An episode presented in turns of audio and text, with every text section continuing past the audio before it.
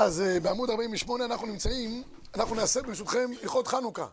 השבוע ובשבוע הבא, כיוון שהזמן כבר קצר וחנוכה זה סמוך ונראה, ואת מה שאנחנו צריכים להשלים פה בדיני גנבות וגזלות, אני מקווה שלא תעשו את זה, אז ככה שיהיה לנו, תהיה לנו פחות בעיה.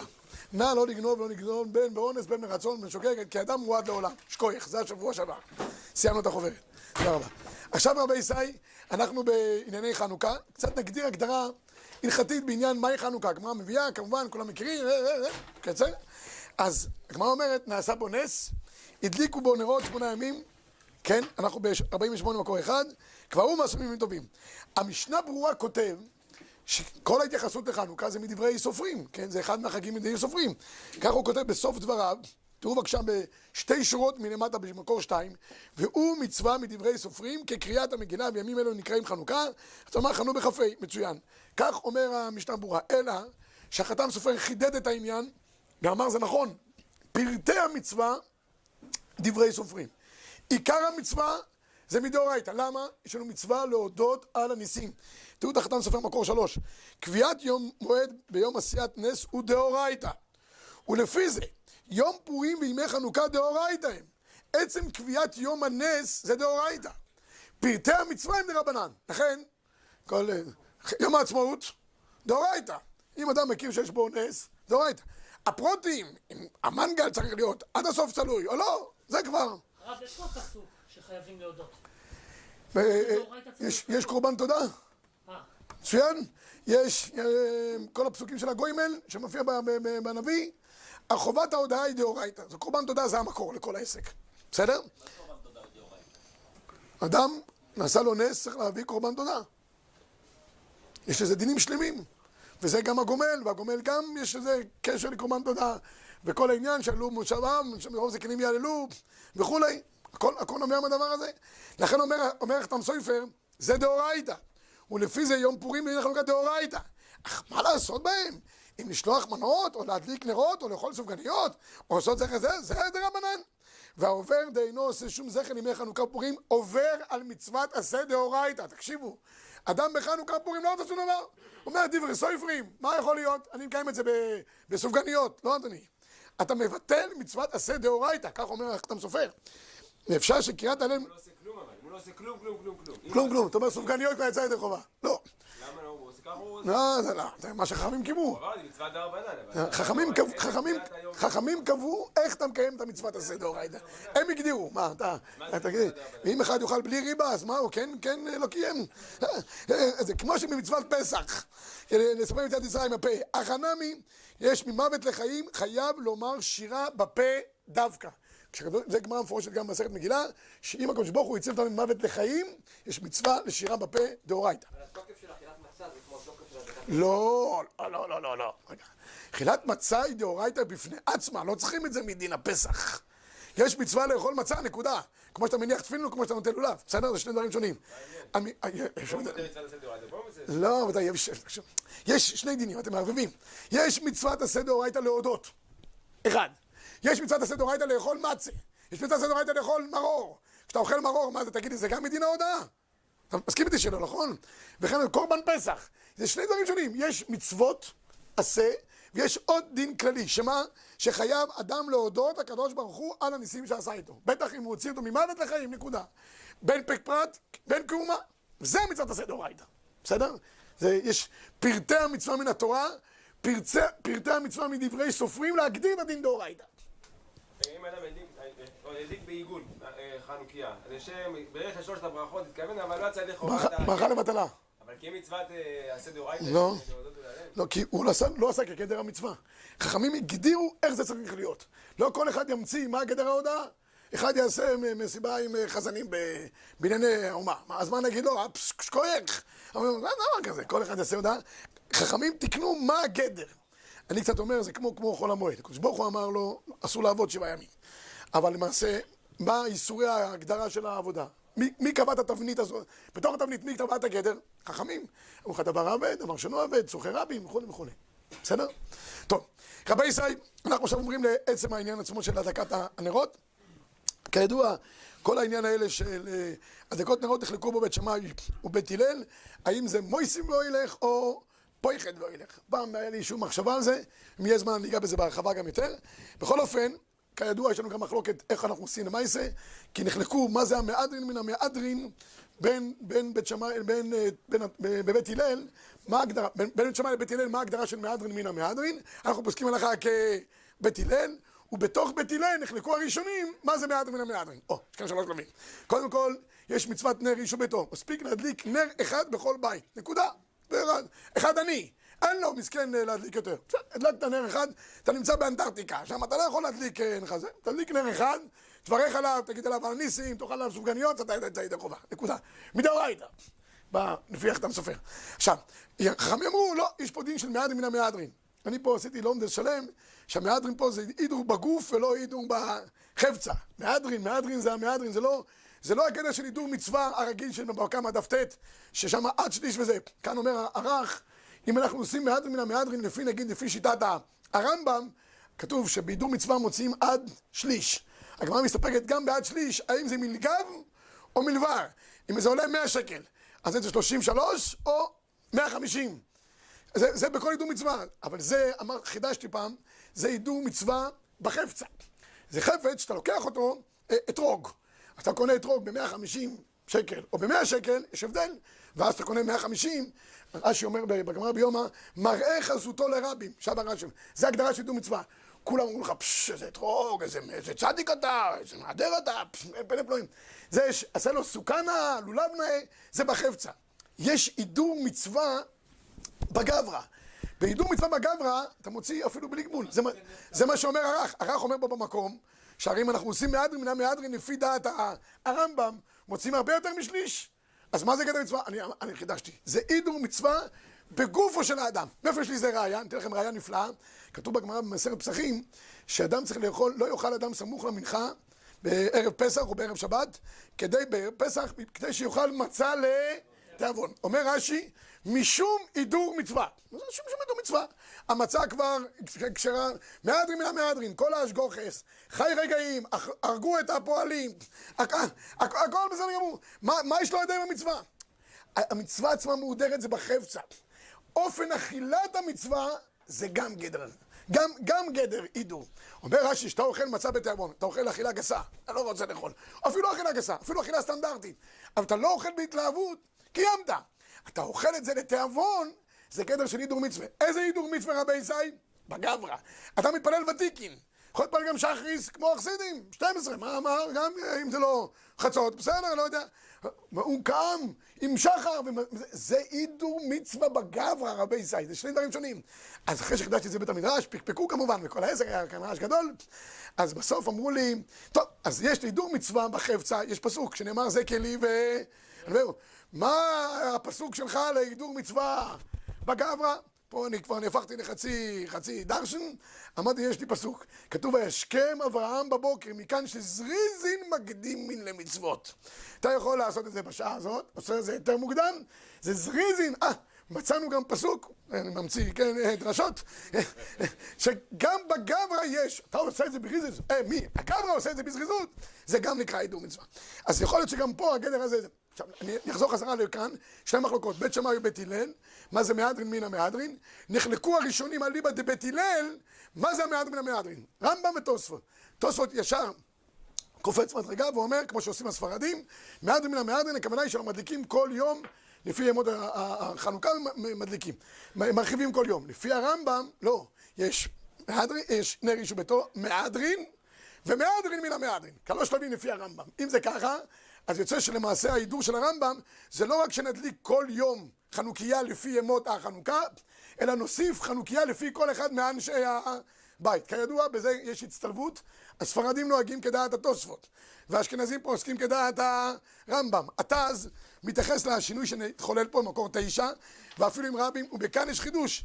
במנהג הספרדים נוהגים כדעת התוספות, כמו שכתבו, והאשכנזים כדעת הרמב"ם, וזה לא מצינו בשאר מקומות, כי רוב מקומות שהשולחן ערוך פוסק כדעת הרמב"ם, כמעט אפילו מצטט את לשונו, חוץ ממקרים מסוימים, אלא אם כן הוא רואה רוב ראשונים שחולקים עליו, אבל בדרך כלל המחבר כדעת הרמב"ם. פה הספרדים פוסקים כדעת התוספות. יפה.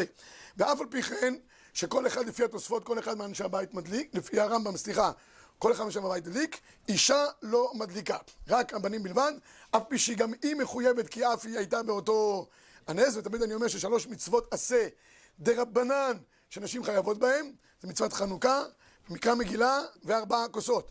מה סימן הדבר הזה? בן איש חי, וענתה האישה ואמרה אמן, אמן בראשי תיבות, ארבע כוסות, מקרא מגילה, נר חנוכה. זה היא אומרת אמן, אני חייבת, לא מתווכחת. מצוין.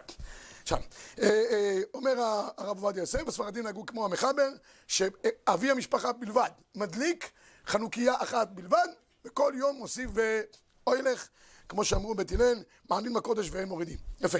עכשיו, יש לנו כאן דבר שהוא תמיד אה, דילמה בחנוכה, וכל השאלות כמעט שיש סביב העניין של חנוכה זה שלוש שאלות מרכזיות, מה ששואלים הציבור. אחד, איפה להדליק? שניים, מתי להדליק? זאת אומרת, מתי שאם כולם מבריחים ומתפללים בזמן, גומרים את הסדר בזמן, ובחנוכה יש סגולה להשכיחם תורתך, אז יש גם קצת בין הזמנים, וזה, זה מה שדרשו חכמים. הפח נשבר ואנחנו נמנטנו. מה זה הפח? הפח זה, אה, הפח זה 88, נשבר זה 44. כשמדליקים 44, הפח נשבר, אנחנו נמלטנו, הילדים בורחים מה, מה, מהישיבה ומהבית הספר, כולם בורחים. זה, תמיד הישיבה שלנו היה צועק. איך יכול להיות שבחנוכה אנשים עושים חופש? זה, קוראים לזה בין הזמנים דרבונון. יש, יש דאורייתא דרבונון. הוא אומר, מה יקרה? ההפך. חנוכה זה צריך להיות חג של תלמידי חכמים. כתוב, מהי חנוכה? תנו רבנן. כל החנוכה זה תנו רבונון. אבל מה? סוגרים את הישיבות. מה הם רצו לעשות? להשכיחם תורתך איך? אחד מהדברים היה לבטל את החודש. חודש זה ודאי חג של תלמידי חכמים, כי מי מקדש את החודש? מי קובע את המועדים? רבנן. אז איך יכול להיות? אומר, אני אסביר לכם. הרב גולדמיך אומר לנו תמיד שהכל מתחיל מהגן. הוא אומר, מתחיל, מה... למה בהסדר עוזבים? כי בישיבה התיכונית היה חופש. למה בישיבה התיכונית יש חופש? כי בבית ספר היסודי היה חופש. למה, אתם ככה כל שנה, למה בבית ספר היסודי יש חופש? אומר, כי הגננת ששמה את הנר, על זה יוצאים לחופש. הוא אומר, כל שנה הגננת שמה את זה מחדש, לא משנה באיזה גיל אתה. יוצאים לחופש. אז אברכים, קל להם מאוד. שהם לומדים את הסדר אה, עד, עד זמן השקיעה, ואחרי זה רצים הביתה, מדליקים בזמן, הכל טוב. אבל יש הרבה אנשים שעובדים בעבודות שהם אה, עבדים להם, כמו אנשי הייטק למשל, הם אה, לומדים מצד החמה, צאת הנשמה, מדליקים שעות מאוחרות הביתה, משועבדים לגמרי, מה, מה קורה במקרים כאלה? לא יכולים להדליק בזמן, מה יגידו לפרויקטור שם עכשיו? אנחנו חייבים לעזוב לחנוכה, אומר לחנוכה, יש לי עכשיו סטארט-אפ שצריכים, כל העולם מחכה לו, מה? מה שצריך להגיד. לא הבנתי. זה מה שצריך להגיד, כן. מה שצריך להגיד. אדוני, חנוכה, אומרים לעבוד ב... אשריך, לא נראה לי שאתה עובד אה, קשה. כן, אבל, אבל, אבל, אנשים באמצע פרויקטים כאלה ואחרים, לא ראיתי שהם יכולים להגיד, אבל הוא יישאר בעבודה. להגיד אפשר. מה עושים במקרים כאלה? כי הרי לכאורה, הזמן האידיאלי, בואו נראה את הזמן האידיאלי. תנור רבנן, אומרת הגמרא, נחנוכה מצווה לנכון פתח בית בחוץ. אה, סליחה, זה, זה לגבי מקום ההנחה. הבעיה הנוספת תמיד זה מקום ההנחה. זמן ההדלקה שיש, זה הדבר הנוסף, בתי מלון ומתארחים, זה השאלות, שלוש קבוצות של שאלות יש. אני מתארח, תתארח אצל השוויגר, אני מפחד ממנה, אני אדליק זה, בחדר, סכנה, בבלון, איפה להדליק, בסלון, שאלות, שאלות, כבר מסוכות אני מקבל שאלות על חנוכה, איפה להדליק, מה? כן, בקיצור, יש שאלות, אנחנו נעסוק בכל השאלות האלה כי הדעות גם רחבות מאוד, זה מעניין, על כל, כמעט כל מה שתעשה, אתה תצא ידי חובה, בסופו של דבר. גם מבחינת הזמנים, גם מבחינת המקומות, גם מבחינת השוויגר. בואו נראה, מקור 12. תנו רבנן, נר חנוכה מצווה להניחה על פתח ביתו מבחוץ. אם היה דר בעלייה, מניחה בחלון הסמוך של הרבים. ובשעת הסכנה, מניחה על שולחנו בדיו. תראו מה זה רבי ישראל. שלוש דרגות. אחד אידיאלי, פתח ביתו בחוץ. שניים בעלייה, חלון. עברנו מפתח לחלון. גם בחלון יש סכנה. היו שם כל מיני אנשים שהיו מסכנים את הציבור. מדיחה בתוך ביתו. דיו, גם זה יוצא ידי חובה. עכשיו כולם שואלים, רגע אחד, בתוך ביתו, בפנים, איפה הפרסום מניסה? הרי כל אבות של, של זה, תראו, פרסום מניסה זה דבר מאוד עקרוני בחנוכה. המחבר, או יותר נכון, הרמב"ם, המחבר פסק כמותו, תראו מקור 13. מצוות נר חנוכה, מצווה חביבה היא עד מאוד. וצריך האדם להיזהר בה כדי להודיע הנס ולהוסיף בשבח הקל וההודיה, לא על הניסים שעשה לנו. אפילו אין לו מה יאכל, אלא מן הצדקה. שואל ומוחק אותו ולוקח שמן ונרות ומדליק. אז הרמב"ם כותב פה דבר מאוד מוזר. אדם צריך למכור את כסותו כדי לקיים מצוות חנוכה. לא מצאנו דבר כזה בשום מצווה אחרת. כל מצווה אחרת, אדם צריך להפריש עד חומש. עד חומש. כדי, או, ארבע כוסות. ארבע כוסות, ונחנוכה שניהם מצאנו, שניהם דרבונון. ובכל אופן מוכר כסותו. סליחה. על לא לעבור עליו מן התורה, אדם צריך לתת את כל ממונו. כדי לקיים מצוות עשה, עד חומש, 20 אחוז. יותר מזה, אנוס, נגמר העניין. רק בנר חנוכה ובארבע כוסות מצאנו, מוכר את כסותו. איך מבינים פה פשט? תשמעו פשט, נראה לי שזה אמיתי. כמו שיש ייהרג ואל יעבור על ג' אביירס, כמסודות כל העניין של התורה כולה, אדם צריך למסור את נפשו. חכמים קבעו שני מצוות שהם יסוד האמונה. מה יסוד האמונה בחנוכה ובארבע כוסות, שזה הפרסום מניסה? שהקדוש ברוך הוא לא נוטש את עמו. כי לא יטוש השם עמו ונחלתו, לא יעזור. הקדוש ברוך הוא לא... מאיפה אנחנו רואים? תראו, אפילו חנוכה, בזמן שהיו קשיים גדולים, הקדוש ברוך הוא לא עזב אותנו. בארבע כוסות, במצרים. גם אותו דבר, גם מקרא, מקרא מגילה. זה מראה שהקדוש ברוך הוא, שעשה ישים לאבותינו בימים ההם, ולא פחות, בזמן הזה. אז זה מחזק את האמונה. כמו שיש ייהרג ואל יעבור על ג' אביירס, יש ישלם ויאמין על שני המצוות. ואם זה ככה, הרבה זה על אותו משקל שצריך למסור את נפשו, כאן צריך למסור את מה? את כל ממונו. כך, כך למדתי פשט, נראה לי. כי זה מחזק את האמונה לנו ולבני ביתנו. מה? אין לכם נמי, גם בפורים, אלא בפורים זה יותר קל, כי זה מצווה של רבים, אחד קורא וכולי. אבל, אבל אותו יסוד, אם, אם זה כך, אם זה ככה בייסאי, אז איך באמת מקיימים את חנוכה למעשה? היום, היום ברוך השם אין לנו סכנה, פעם היה סכנה, רש"י אומר, היה פעם סכנה, היה להם לפרסים, מקור 14. הפרסים נשארו פרסים, סכנות שיש לנו. חוק ביום מידם שלא יביאו נר אלא בבית עבודה זרה שלהם, כי דאמרינן בגיטין. אז היה סכנה. אומר התוספות, אה, במקור 15-16, נחלקו רש"י ותוספות שמה, מה הפשט שמניח נר ביתו מבחוץ, אם יש לו חצר, מדליק, מדליק את זה לפי הגמרא בפתח החצר. רש"י אומר, מניח בפתח הבית מבחוץ, כלומר בגבול בין הבית לחצר. נפקא מינה, למי שהיום יש דירה, בית פרטי, ויש לו חצר, והחצר הזאת יש לה שביל שמגיע עד רשות הרבים. לפי הפשט, לפי רש"י, צריך להניח בפתח של החצר, ממש מחוץ לבית, על צד ימין, שם שם את האקווריום, ומדליק את, ה, את הנר חנוכה, מצוין. לפי התוספות זה לא הפשט. מצווה להניחה על פתח בטון בחוץ, ומה ירד דלק החצר אל הבית עומד סמוך של הרבים, אבל אם יש חצר לפני הבית, מצווה להניח על פתח חצר, דאמר לקמן, סליחה, נתבלבלתי בין, בין רש"י לתוספות, הפכתי. אה, לפי רש"י צריך להניח בפתח הבית בחוץ. לפי התוספות באמת צריך להניח פתח החצר. השולחן ערוך פסק כדעת התוספות, תראו במקור 16, נאכלנו כאן מניחו על פתח הסמוך לרשות הרבים מבחוץ, אם היה הבית פתוח לרשות הרבים, מניחו על פתחו. ואם יש חצר לפני הבית, מניחו על פתח החצר, ואם היה דר בעלייה, שאין לו פתח פתוח לרשות הרבים, מניחו בחלון הסמוך לרשות הרבים. ובשעת הסכנה, שאינו רשאי לקיים במצווה, מניחו על שולחנו ודיו. אז בואו נראה את ג' האפשרויות שיש. בית פרטי, אם הפתח פונה לרשות הרבים, על פתח הבית. מאיזה צד רבי ישראל? מצד? שמאל. כדי שיהיה נר מזוזה מימינו ונר חנוכה משמאלו. אם יש לו, לאותו בית, יש חצר, ויש פתח הפונה לחצר רשות הרבים, מניחו איפה רבי ישראל? בפתח החצר. גר בבניין עם קומות, שני אפשרויות. מה? באיפה? בפתח החצר? מימין. אין שם מזוזה. ימין, כל דבר לימין. אם יש מזוזה, שמאל, אם אין מזוזה, ימין. ימין הצד שנכנס או הצד שנכנס? בסדר? לאלה שעוברים רשות הרבים רואים מצד ימינם. אם אתה גר בבניין עם קומות, כאן יש שני אפשרויות. אם בבניין הקומות שלך, בחדר מדרגות, אנשים עוברים מדי פעם, אז תדליק בפתח ביתך, מצד שמאל, הפונה לחדר המדרגות. כי שם יש הורים משווים, ושם יש פרסום מניסה.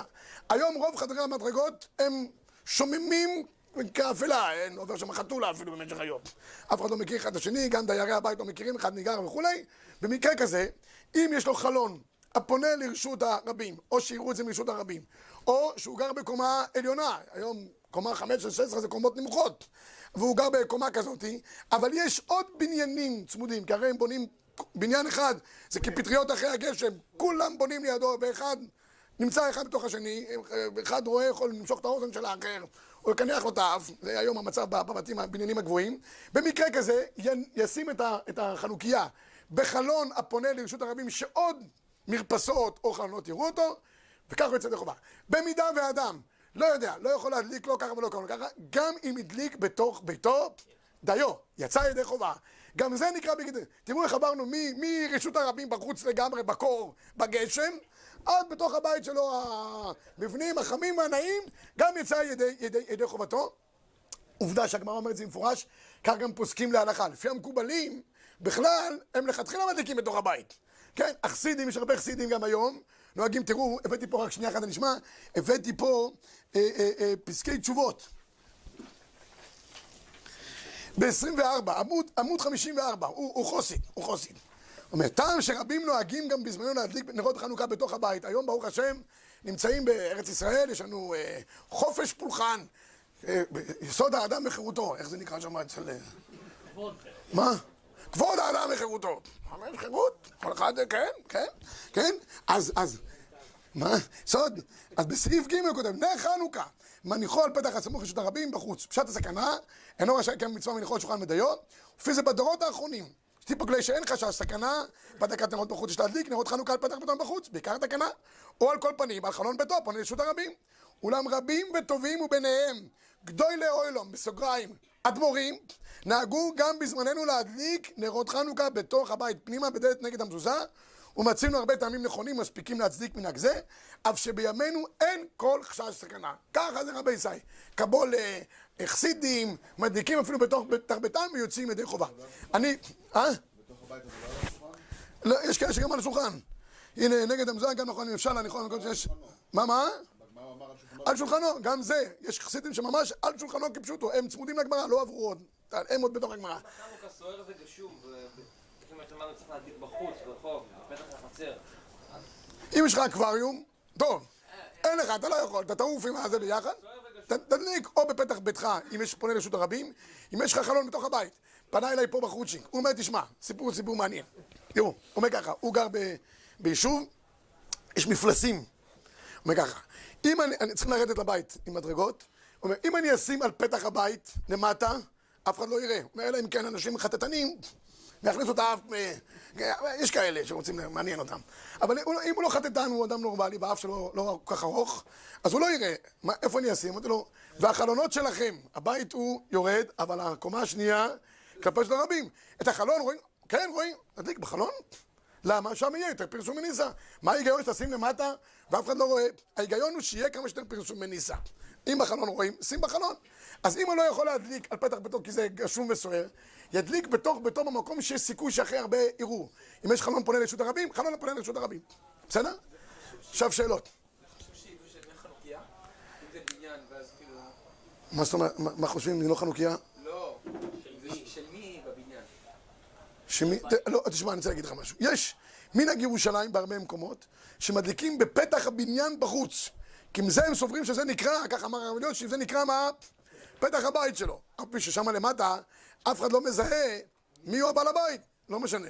הוא הדליק, וזה פתח ביתו ויורד, ככה אני אעבור ב- בחנוכה בירושלים. כן, גם, גם פה בישיבה, הרב, הרב אריאל, יש פה אקווריום באים מחוץ לישיבה. לך תדע מי הדליק, אין צורך לשים שלט, אני צדיק. הנה, ה- יודעים שאתה כזה. מה, מה, בסדר? כל הש- כל השימוש באקווריום הוא בעייתי, כי בשביל מה אתה שם את האקווריום? כדי ש... לא יכבה בנר. טוב, תדליק אותו, זאת אומרת, אם אתה אומר שזה לא מסוגל להיות דולק, אז זה לא, זה לא מועיל.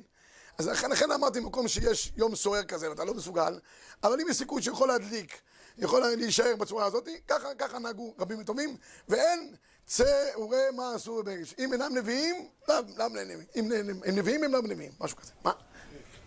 עדיין אפשר להפרש נר יישוב ביתו משפחתו או ביתו ביתו פיזית. אין, אין עניין. תראו, אני רוצה להגיד לכם משהו. אני, אני, אני, אני זכיתי להדליק נרות חנוכה כל שנה עם מרן הרב אליהו, זכר צדיק וקדוש לברכה. אז אנחנו, אה, ככה הוא היה נוהג. היה מדליק על פתח ביתו הפונה לחדר המדרגות. כי אצל הרב אליהו חדר המדרגות היה תוסס. עולים, עוברים, וגם אה, מי שבא אליו בבית, נמצוא. הוא היה מדליק שמה, והרבנית שתחיה מדליקה בחלון לכיוון רשות הרבים, לכיוון הרחוב הסואן שם מול אנג'ל. כן, שני חנוכיות היה מדליק. אחד הפונה... לא. זה דרך חומה מהמערב. שומעת? מיד שהוא גומר את הברכות, עד שהוא גומר את הברכות זה לוקח איזה רבע שעה, כי הוא היה מברך לפי הרשש, אז הוא היה גומר, מדליק, לאחר מכן הרבנית הייתה מדליקה על פתח החלון הפונה לרשות הרבים. שני חנוכיות כדי ידי חובה. אז מי שרוצה את ידי חובה כל הדברים, למה? כי יש עוד דין בני חנוכה, שאם יש לך שני פתחים הפונים לרשות הרבים, מדליקים משניהם מפני החשד. אז זה היה העניין.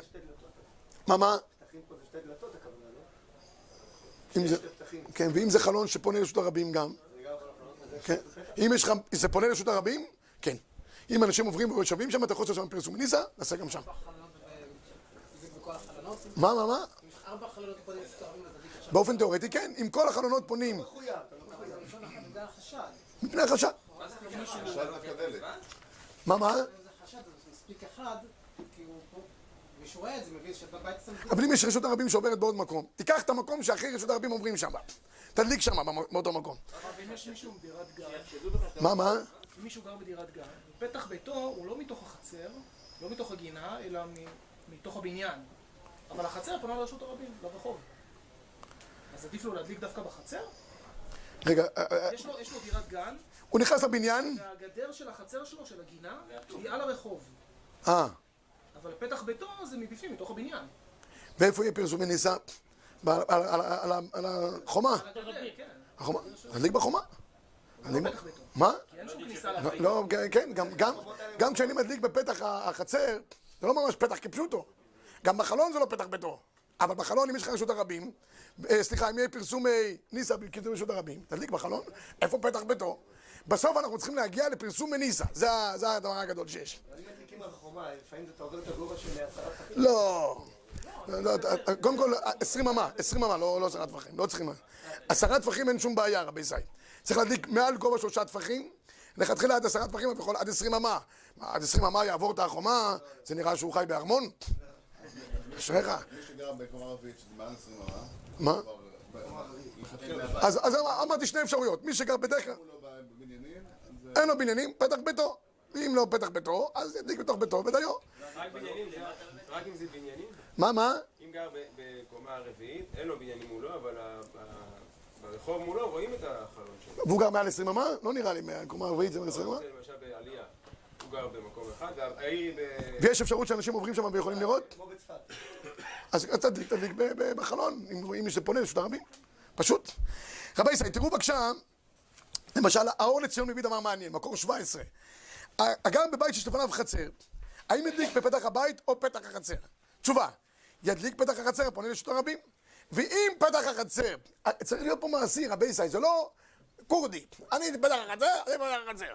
מה זה משנה, רואים או לא רואים? זה לא העיקרון. צריך פה לשלב גם דעת, איפה בסופו של דבר יהיה לי יותר פרסום מניסה. אז אומר הראשון לציון, האור לציון, ואם פתח החצר מוסתר בעצים ולא ניכר להורים שמים, עוד שחושב להניח שם פתח החצר חשש גניבה, ידליק בחלון הבית במקום שיש פרסום מניסה לעוברים ושבים. זה הכלל ההלכתי העומד מולנו. תבדוק את הבית שלך לפני כן, או תביא מומחה, שיעשה סיור מוקדם, יראה איפה, יעשה אה, נתונים וכולי, איפה יש אה, רשות הרבים יותר. היום צריך לעשות כבר היום איזה מכשיר אולי, שיספור את האנשים, כן, כזה, זה, זה, ואז, ומקום שביתו פתוח ישירות לרשות הרבים, מה יעשה במקרה כזה רבי ישי? הניח בפתח ביתו, פשוט מכאן. אוקיי, עכשיו, לגבי השיעורים כמה צריכים להניח, כמו שדיברו פה עכשיו, תראו בבקשה במקור 20, מניחו למעלה מג' טפחים, כי פחות מזה זה כבר, כבר סמוך לקרקע, ומכל מקום, בדיעבד גם, יצ... ואם אינו ניכר פשוט בעל הבית הניחו מכל מקום בדיעבד יצא, ממשיך המחבר ואומר, מצווה להניחו למטה מעשרה טפחים, ואם הניחו למעלה מעשרה טפחים יצא, אבל אם מניחו למעלה מ... עשרים אמה, כמו שהגמרא שם אומרת בסוכה, דלא שלטה בי, הנה, לא יצא ידי חובה. אם יכול למעלה מ- יצא, זה לא נקרא דיעבד פה? לא לשון דיעבד? דיעבד, דיעבד, לכן צריך להניח בין שלוש לעשר. אז זהו, אז לכתחילה זה בין שלוש לעשר. כן, זה מה שאמרתי. מי שיש לו חומה, כמו שהוא אומר. אבל, אבל, זה אם- בחומה... מצד שני זה למעלה מעשרה טפחים. מצוין, אבל מה לעשות שאצלו זה יהיה לכתחילה, כי שם מהחומה שלו זה יהיה פרסום מניסה. לכתחילה מצד... זה, זה מקזז את הבדיעבד של פחות מעשרה טפחים. יש קיזוזים, קיזוזים. קוראים לזה תספורת, תספורת. הרב, זה פרסום מניסה לכתחילה. מצד הפרסום מניסה לכתחילה, אבל מצד הגובה זה. יש כאלה שחוששים למה שאתה אומר, עושים שקע בתוך החומה עצמה. טוב, זה... בסדר, מי שיכול שיעשה את זה גם. אבל אתה שואל אותי עכשיו, האם זה בעיה להניח על החומה וזה מה שפונה לרשות הרבים? לעניות דעתי זה בסדר. תראו בבקשה ברמה, מי הוא בזמן הזה, שכולנו מדליקים בפנים, בעיקר באירופה. אין היכר לבני רשות הרבים כלל, אין לחוש כל כך אם אין מדליקים בטפח הסמוך לפתח, ומכל מקום מנהג להדליק בטפח הסמוך לפתח כמו בימיהם.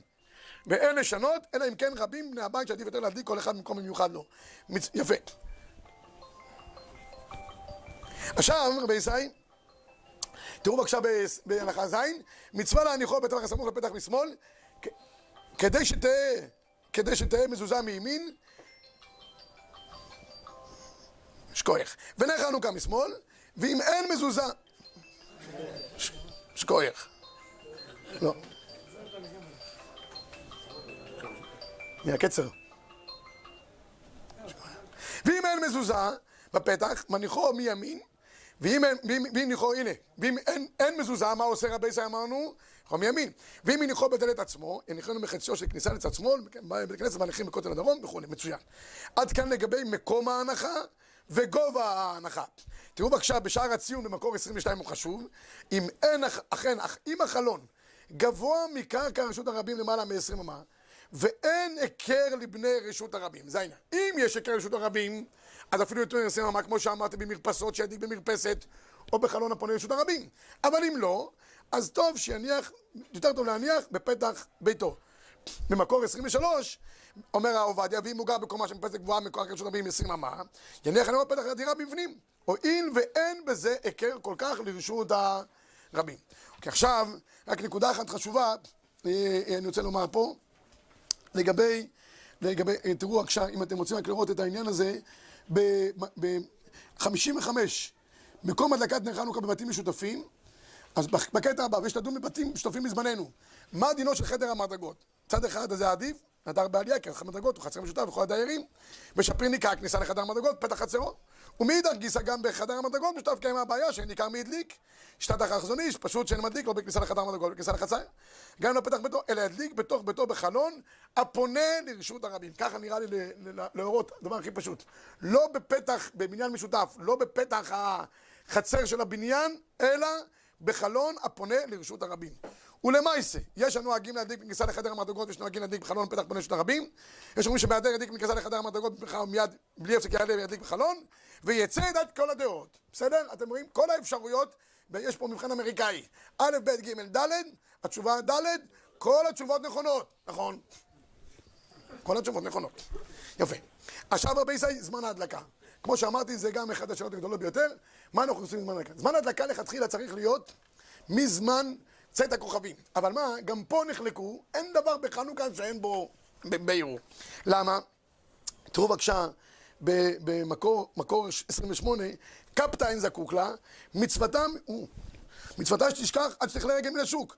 מה אלא דקפתה אחד האדם מדליק? לא, היא לא ידליק מדליק, והנה מן אישורה עד שתכלה רגל מן השוק. ועד כמה? אמר בר חנא, אמר עד דקליה ריגלה דתרמודאי. זה הזמן. שתכלה רגל מן השוק זה התרמודאים האלה. התרמודאים האלה היו זה אומה רשעים גמורים. הם נהיו מלקטי עצים דקים. הם היו עניים מרודים, למה? קיללו אותם חכמים. הם בזמן חורבן בית שני של טיטוס, רדף אחרי, אחרי היהודים, הבחורים ברחו. הם חשבו, התלמודאים האלה, הם חשבו שהתלמודאים הם אנשים טובים. הם ברחו אליהם, הם פיתו אותם להגיע, מסרו אותם לטיטוס. חכמים קיללו אותם, שתוך זמן קצר יחרב עירם. כך היה. היו עניים מרודים, מה היו מוכרים? עצים. עצים ל- להעסקה הם היו מוכרים. אז זה, חכמים נתנו להם את הדבר הזה, זה לא, זה לא יוקרה.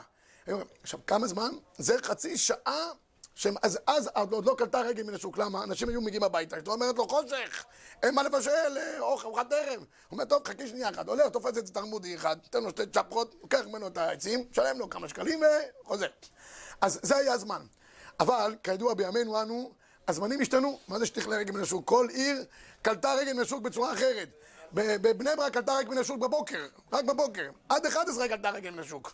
בחיי הלילה בבני ברק מתחילים ב-8-9. אתה מגיע ב-12 בלילה, אתה רואה כולם, ברוך השם, חזון איש, וזה, הכל מלא. טוב. בקיצור, אז, אז ככה, לכתחילה באמת מן הראוי להדליק בחצי שעה שאחרי צאת הכוכבים. גם כאן, דרך אגב, יש מחלוקת. האם זה השקיעה הראשונה או השקיעה השנייה? המחבר פוסק, יש מהראשונים שאומרים זה השקיעה הראשונה, יש אומרים שהשקיעה השנייה. אנחנו מנהגנו לעשות מהשקיעה השנייה, חצי שעה זה הלכת תחילה. זה הזמן מן המובחר. לא הצליח להדליק בזמן הזה, ידליק יותר מאוחר. היום, ברוך השם, יש, אה, עוברים ושבים עד שעות מאוחרות שיש. במידה וגם לא הצליח בשעות היותר מאוחרות, הוא בא מאוחר הביתה. היה מסיבה אצל הסבתא, ואי אפשר לדלג על המסיבה הזאת. צריך להגיע מוקדם וכולי, וכולם שם עד, עד לא מקבלים את הדמי חנוכה עד 12 בלילה. מסכנים, תופס אותם קצר. ובלי זה... לא, היא יודעת איך לתפוס את את את הנכדים שלה. אף אחד לא עושה עד 12 בלילה. מגיעים הביתה 12 בלילה, כולם כבר מאולפי ספירים. כולם הולכים לישון. אם הוא יכול להעיר אחד מבני הבית, שניים מבני הבית, שיהיה פרסום מניסה, מה טוב ומה נעים. תיקח להם מקל מטאטא, יחזיק אותם שתי דקות, וישים את ידליק.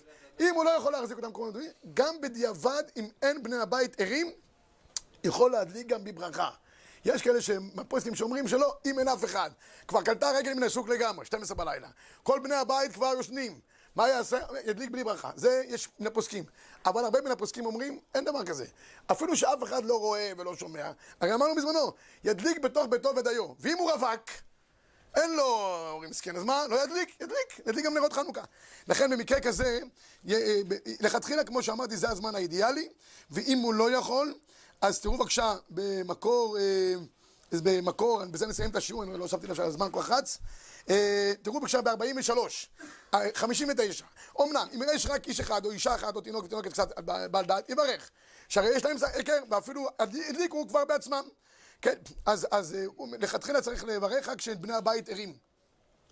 אבל אה, תראו בבקשה, גם בשער הציון כותב, ב-42, אלא ודאי, אם יכול לפרסם הדלקה בפני רבים, יותר עדיף. אבל אם מילא האנשים, בשביל זה לא יבטל המצווה. כן נראה לי, וכן נוהגים לעולם. עד כאן יש לנו. ספק ברכות להקל מקום, מקום מי שרוצה לנהוג כבתי. זאת אומרת, גם להדליק ולברך, אפילו שאין אנשי הבית ערים, יש לו על מי לסמוך. הרב עובדיה אומר במפורש ב-44, מי שלא הדליק בתחילת הלילה, הגיע לביתו בשעה מאוחרת. כל בני הבית כבר נרדמו. אם יכול...